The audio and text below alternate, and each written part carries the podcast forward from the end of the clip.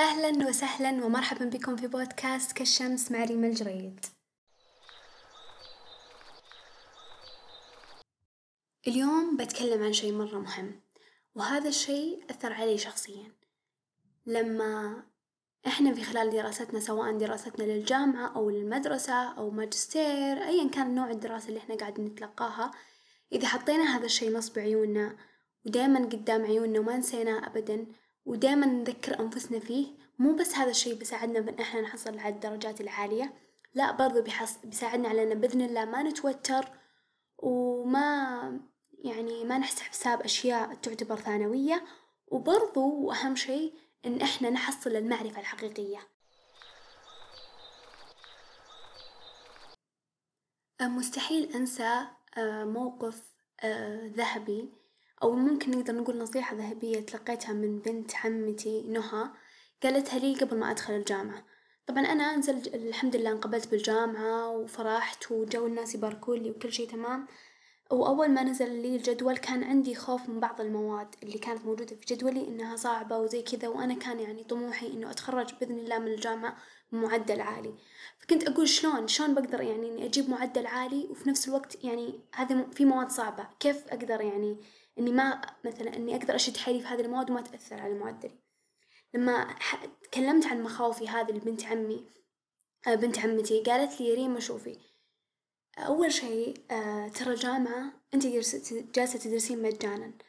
ومو مجانا مجانا صح إن أنت أهلك ما دفعوا فلوس على هذا الشي وأنت بنفسك ما دفعتي فلوس على هذا الشي، لكن حرفيا ترى قاعد تندفع فلوس للمقعد اللي انت جالسة فيه، الحكومة والوطن الله يعزه قاعد يدفع للمقعد اللي انت جالسة عليه قاعد يدفع للتيتشر اللي والمدرس اللي تدرسك قاعد يدفع للتكييف الكهرب في القاعات لصيانة الجامعة حتى عاملات النظافة. يعني حتى عاملات النظافة الموجودين في الجامعة الحكومة تدفع لهم عشان انت تجين وتتعلمين. في أحسن بيئة ممكنة وفي أفضل يعني بأفضل الوسائل فقالت يا ريما ركزي على إنك تتعلمين تتعلمين ومجرد ما انت تركزين على إنك تتعلمين العلم الحقيقي هذا تلقائيا بيساعدك على إنه بتجيبين الدرجة العالية، لكن إذا كان همك بس مجرد الدرجة في النهاية إنه الدرجة النهائية إنها تجيك مثلا عالية وما شديتي حيلك وما ركزتي على اكتساب المعرفة الحقيقية والفائدة الحقيقية من وجود الجامعات أصلا وجود المدارس ان إحنا نتعلم.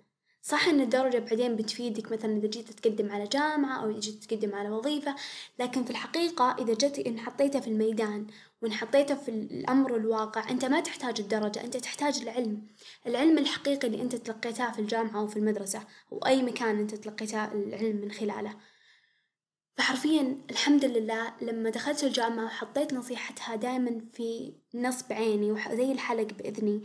كنت دايما أذكر نفسي بهذا الشي يعني ما تجي أوقات صراحة يعني يغلبني الوقت وأصير مثلا أسلك وأمشي بعض المواد ما أركز فيها وما أذا ما أركز مع يعني في الشرح وزي كذا لأنه أحس المادة مثلا سخيفة وتافهة أو ما لها فايدة، لكن دايما دايما أذكر نفسي إنه يا ريما احتسبي الأجر في كل خطوة تخطينها أنت في في طلب العلم، لأن الرسول عليه الصلاة والسلام قال من سلك طريقا يلتمس فيه علما سهل الله له به طريقا إلى الجنة، بمجرد احتسابك الأجر في طلبك للعلم لأن العلم مستحيل ما يكون له فايدة، يا إما بيأثر عليك بيفيدك أنت شخصيا أو بيفيد الناس اللي حولك أو بيفيد المجتمع بطريقة أو بأخرى، فدائما العلم له فائدة، فعشان كذا ركزوا على المعرفة الحقيقية.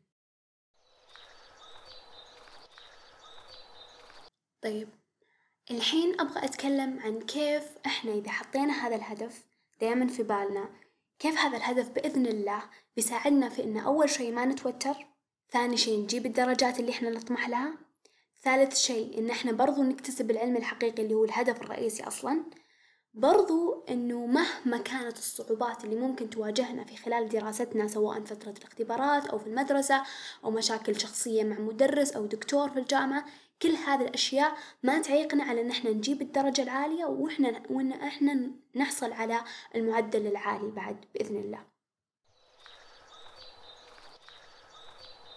شي جدا طبيعي إذا أنت حطيت هدفك إنك تتلقى العلم الحقيقي وإنك تستفيد حرفيا من كل مادة دراسية أنت تدرسها شي طبيعي جدا إنك بتكون طالب مجتهد، بتذاكر بتركز مع الأستاذ بتسجل ملاحظات بتسأل أسئلة بتحاول إنك تقدر تفهم المنهج وتفهم المقرر اللي أنت قاعد تدرسه بشتى الطرق، وهذا الشي تلقائيا بيأثر على درجاتك وعلى معدلك، تلقائيا بيأثر على أدائك الدراسي، ليش؟ لأن أنت حطيت هدفك العلم، مو دايمًا مو دايمًا يعني للأسف مو دايمًا الدرجة تكون دليل على إن أنت حصلت على العلم الحقيقي، ممكن أنت في مادة أنت مرة اجتهدت وذاكرت كويس وركزت مع الأستاذ إلا إنك أخذت درجة تعتبر شوي نازلة ما أخذت مثلا الدرجة الكاملة، إلا إنك اكتسبت العلم الحقيقي وهذا الأهم، في بعض المواد ممكن أنت لا. ما تجيب ما يعني ما تركز مرة كويس وما تستفيد استفادة حقيقية من المقرر إلا إنك عشان المقرر مثلا مرة سهل أو إنه قد مر عليك من قبل تجيب فيه الدرجة العالية، فمو دايمًا الدرجة مرتبطة بالاكتساب المعرفة العلم الحقيقي، فعشان كذا هذا الشي لا يأثر على لا يأثر عليك. لا يأثر عليك إنه ذكر نفسك دايمًا إنه خلاص ما دامني سويت اللي علي وما دامني اكتسبت اللي أهم الأهم اللي هو العلم الحقيقي. ما دامني اكتسبت العلم اللي المفروض أتعلمه من هذا المنهج خلاص الحمد لله بأرضى بأي درجة تجيني، طبعًا ما راح أرضى إنه درجتي تكون مرة نازلة، لكن أرضى لو إن درجتي ما تكون مثلًا امتياز في هذه المادة، أهم شي إني استفدت منها استفادة حقيقية بتفيد بتفيدني في حياتي المستقبلية.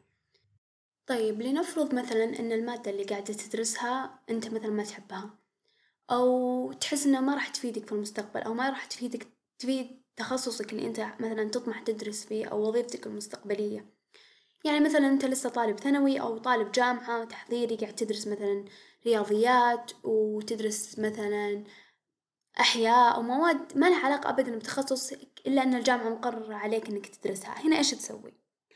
أول شي ما في علم ما له فايدة، حتى لو كان ما راح يفيدك بشكل مباشر في تخصصك بعدين في المستقبل أو في وظيفتك المستقبلية إلا أنه مستحيل ما يفيدك، مستحيل ما يفيدك، كل علم أنت تتعلمه أكيد بيفيدك شخصيًا، بيفيدك في الحياة، بيغير نظرتك في مجال معين، فعشان كذا كل علم تتعلمه أعطه فرصة، أعطه فرصة إنك تحاول تحبه تدرس فيه تدرس باهتمام، تحاول تركز تتعلم كل شي فيه بشكل كويس، وتستفيد من هذا العلم، لأنه في النهاية أنت ما راح تخسر شي منها إنك أنت تكسب تكسب معلومات إضافية لك تضيف تضيف لثقافتك الشخصية، ومنها برضو إنك بإذن الله لأنك حاط هدفك العلم تحصل على الدرجة اللي أنت تبغاها في هذا في هذه المادة، وبالتالي ما راح تأثر على معدلك الدراسي بشكل كامل، ف لنفرض إنك أنت مثلا في مواد التخصص متفوق ودرجاتك عالية، إلا لو إن مثلا عندك في مواد اللي غير تخصصية درجاتك منخفضة، هذا بيأثر على مهما كان بيأثر على على معدلك في النهاية. فعشان كذا اهتموا بكل شي لا تهملون شي على حساب شي لأن كل شي يأثر على على الشي يعني المادة حتى المادة اللي أنت تحسها مو مهمة هي في النهاية بتأثر على معدلك بتأثر على درجاتك وبتأثر حتى على حياتك. لأن ما في شي يمر مرور الكرام. شي طبيعي جدا إنه في مرحلة في مرحلة الدراسة سواء الدراسة الجامعية أو المدرسية أو أيا كان نوع الدراسة اللي أنت قاعد تتلقاها إنك بتلقى صعوبات، ما في دراسة بتكون كذا مفروشة بالورد. مهما كان مثلا تخصصك تعتبره سهل أو أنت جدا ذكي وعبقري والمعلومات مرة يعني تدخل في مخك بسهولة، إلا إنك بتلقى صعوبة بتواجهك في طريقك في اكتساب المعرفة، وهذا طبيعة الحياة أصلا. فما بالك في الدراسة يعني ما راح تكون يعني شيء شيء مستثنات من من قوانين الحياة، طيب إيش نسوي؟ لنفرض مثلا إنه جانا أستاذ ما يعرف يشرح ما يعرف يوصل المعلومة، أو مثلا جانا المنهج مرة صعب، أو مثلا فجأة صارت لي مشكلة شخصية مع الأستاذ، أو أيا كانت الصعوبة اللي أنا قاعدة أمر فيها وأنا أتلقى هذه المادة إيش أسوي؟ طيب أنا بقول لكم قصتي في مقرر من المقررات اللي عانيت منها في صعوبة. طيب أول سنة دخلت الجامعة كان الإنجليزي حقي مرة مرة يعني مستوى تحت المبتدئ مرة مرة ضعيف، بس أول ترم قلت يا ريما يلا فرصتك إنك تتعلمين إنجليزي خاصة إن أول سنة جامعة يدرسونا إنجليزي سنة كاملة، واللي يدرسونا إنجليزي أساتذة أجانب فما تتكلم معاك عربي أبدا، فتنجبرين إنك تتكلمين معاها بالإنجليزي وتمارسين اللغة فتلقائيا لغتك تتطور. فالحمد لله الترم الأول كانت الأستاذة حقتي مرة تجنن وعسل وشرحها حلو وال term الأول مر بسلاسة يعني وتطورت مرة اللغة الإنجليزية من, من ناحية الأساسيات وكذا. جاء ال term الثاني الإنجليزي صار أصعب الأستاذة تغيرت وصارت أستاذة أبدا أبدا مختلفة جدا عن الأستاذة اللي درستني ال term الأول. أستاذة تضيع الوقت تجي للحصة تسولف وتطلع. تعطينا تخيلوا المعلومات الم... إحنا كانت مدة المحاضرة أربع ساعات. كانت في نهاية المحاضرة تخيلوا مثلا آخر ساعة من المحاضرة تعطينا جزئية مهمة. بداية المحاضرة اللي إحنا نكون بطاقتنا ونبغى نركز ونبغى يعني نتلقى معلومات جديدة تجي تدخل تسولف تناظر مثلا جوالها أو تناظر بعض الملفات اللي معاها. في نهاية الدوام إذا خلاص إحنا خلصت طاقتنا خاصة أنا أصلا محاضرتي كانت الظهر. فتخيلوا كذا على ثلاث ثلاث العصر خلاص نبغى نرجع البيت. تجي تقول لنا يلا يا بنات الحين بعطيكم قاعدة أو ركزوا معي. فمرة ما كان عندها أبدا لا إدارة للوقت لا تنظيم لا طريقة مناسبة للشرح ولا إيصال المعلومة. فكانت يعني بشكل عام الدكتورة هذه مو الأستاذة هذه مو عجبتني أبدا. مو عجبتني كأستاذة وغض النظر عن شخصيتها يعني أنا مو عجبتني كأستاذة طريقتها في التدريس وطريقتها في إيصال المعلومة وكذا.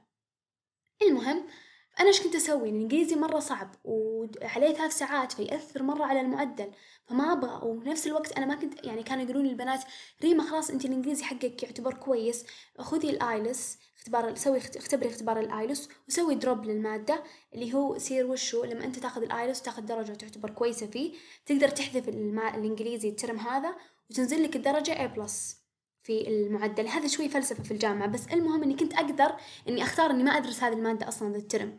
بس كنت أقول ليش حرام؟ يعني أنا هذا يعني تخيلوا إن ثلاث ساعات يوميا ما عدا يوم الخميس ساعتين فهذا الشيء يعتبر لو أنا بآخذ نفس درجة يعني كمية الساعات اللي أنا قاعدة أتلقاها الحين مجانا في الجامعة لو أبغى أخذها في معهد بتكلفني كثير بتكلفني مبلغ وقدره. أقل شيء ثلاثة آلاف.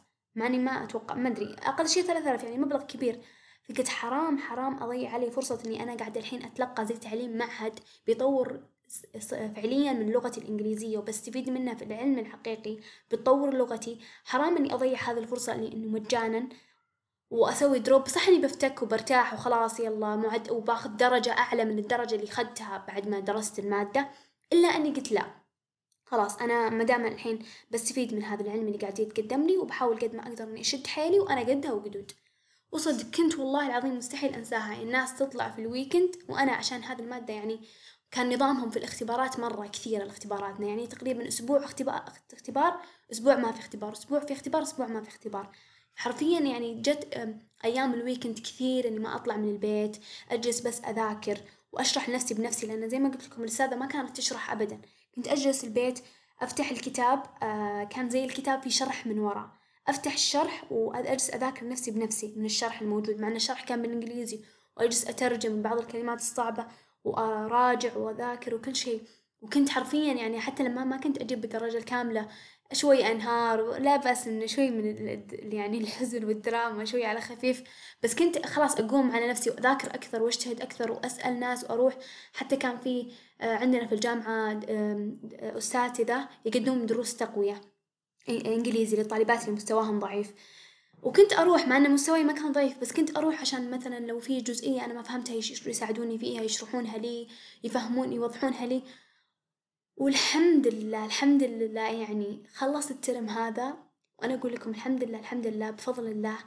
مو بس أخذت الدرجة اللي أنا بيها لا لغتي الإنجليزية تطورت بشكل كبير الحمد لله. طبعا عشان اللغة الإنجليزية يبيلها ممارسة يعني حتى بعد ما خلصت السنة الأولى من الجامعة للحين كنت للحين أمارس اللغة للحين أمارس اللغة أحاول دائما أسمع مقاطع بالإنجليزي وكذا بغض النظر عن الموضوع بس الحمد لله خلصت هذا الترم. صح إنه كان صعب؟ ما أقول لكم إنه كان سهل كان صعب إلا إني تحديت الصعوبة هذه وقدرت الحمد لله إني مو بس أجيب الدرجة الحلوة إني برضو أطور لغتي وأستفيد من العلم اللي كان يتقدم لي وأستغل هذه الفرصة. يعني حرام يعني كثير من بنات الجامعة يعني إحنا اللي عندنا التعليم في الإنجليزي في الجامعة جدا كويس عندنا الحين الحمد لله في المملكة في الجامعات الحكومية جدا رهيب. فحرام إنه إحنا كطالبات نضيع هذه الفرصة وأيام دراستنا للإنجليزي نجيب درجات منخفضة ونغيب عن المحاضرات وما نركز ثم بعدين لما نتخرج نقول والله بنسجل في معهد إنجليزي وبنسوي بنفعل عشان نطور لغتنا الإنجليزية. طب كان في شيء قاعد يتقدم لك مجانا؟ ليش ما استغليتيه؟ ليش ما تستغلينه أنت؟ إذا حتى الحين إذا أنت قاعد تسمعني طالب في الثانوي بعدين إذا دخلت الجامعة استغل استغل العلم الحقيقي اللي قاعد يقدم لك لأنه حرفيا بيفيدك بشكل أو بآخر. يعني أنا صح إنه تخصصي بالعربي حتى بعدين لو بكمل دراسات عليا كل دراستي بالعربي إلا إنه الحين الإنجليزي صار جدا مهم. ومو بس الإنجليزي يعني حتى العلوم الثانية لو مثلا نفرض إنك قاعد تدرس في السنة الأولى من الجامعة عربي وتحس آه مثلا تخصصي آه طب أنا إيش بيفيدني الإنجليزي؟ آه، قصدي وش بيفيدني العربي. بيفيدك العربي لأن هذه لغتك. بالنهاية أنت حتى بعدين إذا جيت تتعامل مع المريض أنت بتتكلم معه بلغة إنجليزية لا المريض سعودي تحتاج إنك تتكلم معه عربي. يعني إذا أنت بتشتغل في السعودية يعني طبعا. فالحمد لله يعني رحلة الدراسة ما هي مفروشة بالورد. يعني صح إنك تدرس بعض المواد تكون سلسة عليك وتكون سهلة والدكتور بيكون يسهلها عليك أو المدرس وكل شي بيكون حلو لكن بعض المواد بتواجه فيها صعوبة. طيب إيش الحل مع التوتر؟ إذا أنت مثلا طالب مجتهد وصح تركز على العلم الحقيقي وتركز على إنك تشد حيلك وتجيب درجات عالية بس لما يجي يوم الاختبار تتوتر وأحيانا ممكن التوتر يأثر على تركيزك ويأثر على إنك بعض الأسئلة تكون عارف إجابتها بس مو قادر تجاوب فجأة تروح من مخك من شدة التوتر اللي أنت تحس فيه إيش الحل؟ الحل إنه نركز على الهدف الرئيسي اللي إحنا بدينا فيه الحلقة تركز على اكتساب المعرفة وإنه مهما درجة جبتها الحمد لله. أه الأهم حصلت عليه إني أحصل على العلم الحقيقي اللي صدق بيفيدني في حياتي. فهذا شيء إذا دائما ذكرت نفسك بهذا الهدف ذكرت بنفسك إنه أهم شيء إني أنا تعلمت أهم شيء إني أنا أتعلم أهم شيء إني أتعلم. وخلاص أنا سويت اللي علي تدخل الاختبار خلاص أنا سويت اللي علي أنا ذكرت أنا تعلمت أنا ركزت أنا توكلت على الله قبل كل شيء وأنا مثلا دعيت لنفسي وخليت أمي تدعي لي فخلاص. أحتاج إني بس أروح أختبر أسوي اللي علي أحل الأسئلة بالمعرفة اللي عندي موجودة عندي إذا جاني سؤال أنا ما عرفت إجابته أو شيء عادي مو مو نهاية العالم. وبعدها تخلص الاختبار والحمد لله ونفسية تكون مرتاحة. إلا إذا كان مثلا عندك التوتر يعتبر شوي مثلا مزمن أو مرضي هنا تحتاج يعني تدخل من أخصائي نفسي يساعدك على إنك تتغلب على التوتر. يعني يصير غالبا الناس اللي عندهم زي هذا التوتر يكون ما له علاقة أصلا بالاختبارات. هو متوتر طول طول فترة حياته يعني. طيب في برضو مشكلة ثانية يعانون منها كثير من الطلاب فإنه يقول أنا أذاكر وأتعب وأسوي بس ما أجيب الدرجة اللي أنا بيها. ليش؟ طيب أنا بجاوب على سؤالكم بأبسط إجابة. أنت للأسف ما عندك إيمان بنفسك وما عندك إيمان بقدراتك. يعني مهما تذاكر وتتعب دائما تحس نفسك إني أنا مثلا بطريقة حتى بغير لا واعية منك إنك تحس نفسك ما تستاهل إنك تحصل هالدرجة أو ما تقدر أو أنا خلاص مستواي كذا دائما ضعيف مستحيل أقدر أشد حيلي ومستحيل أقدر أتفوق. مشبع عقلك اللاواعي ومشبع نفسك بهذا بهذا الكلام. فهنا أنت لازم تشتغل على إنك تعيد بناء بناء القناعات الموجودة عندك. إنه أنا مثل الناس ما قدرت تجيب درجة عالية أنا أقدر. مثل ما فلان قدر يشد حيله ويجيب الدرجة اللي هو يبغاها أنا برضو أقدر. أنا أقدر وأنا أستاهل أجيب الدرجة والله معاي بإذن الله ربي بيوفقني إذا أنا اجتهدت وفعلت الأسباب. ولا تيأس يعني كل مرة غير طريقتك في المذاكرة. يمكن طريقة المذاكرة اللي أنت سويتها ما تناسب المادة هذه. المادة مثلا هذه تحتاج ممارسة أكثر من تكرار. فأنت شوف حسب المادة تغير مثلا أسلوب المذاكرة حسب شخصيتك. يمكن هذا الأسلوب في المذاكرة مثلا الكتابة ما يناسبك.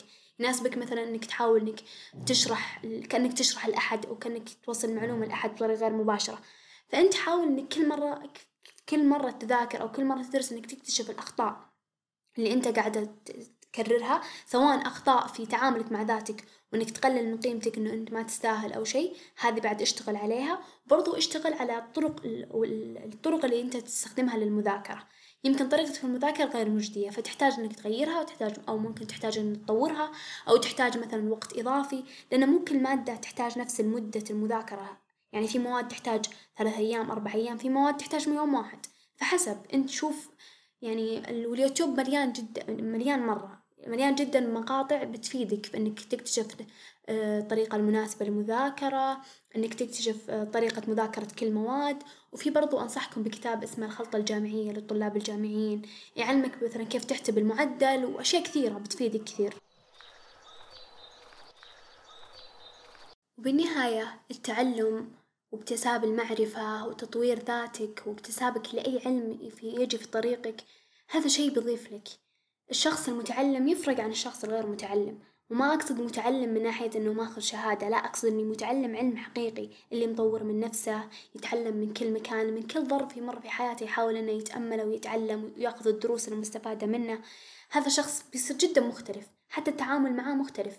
مريح أكثر مسلي عكس الشخص اللي يكون فارغ داخليا ممكن تلقاه جايب درجات عالية ومتخرج بمرتبة الشرف.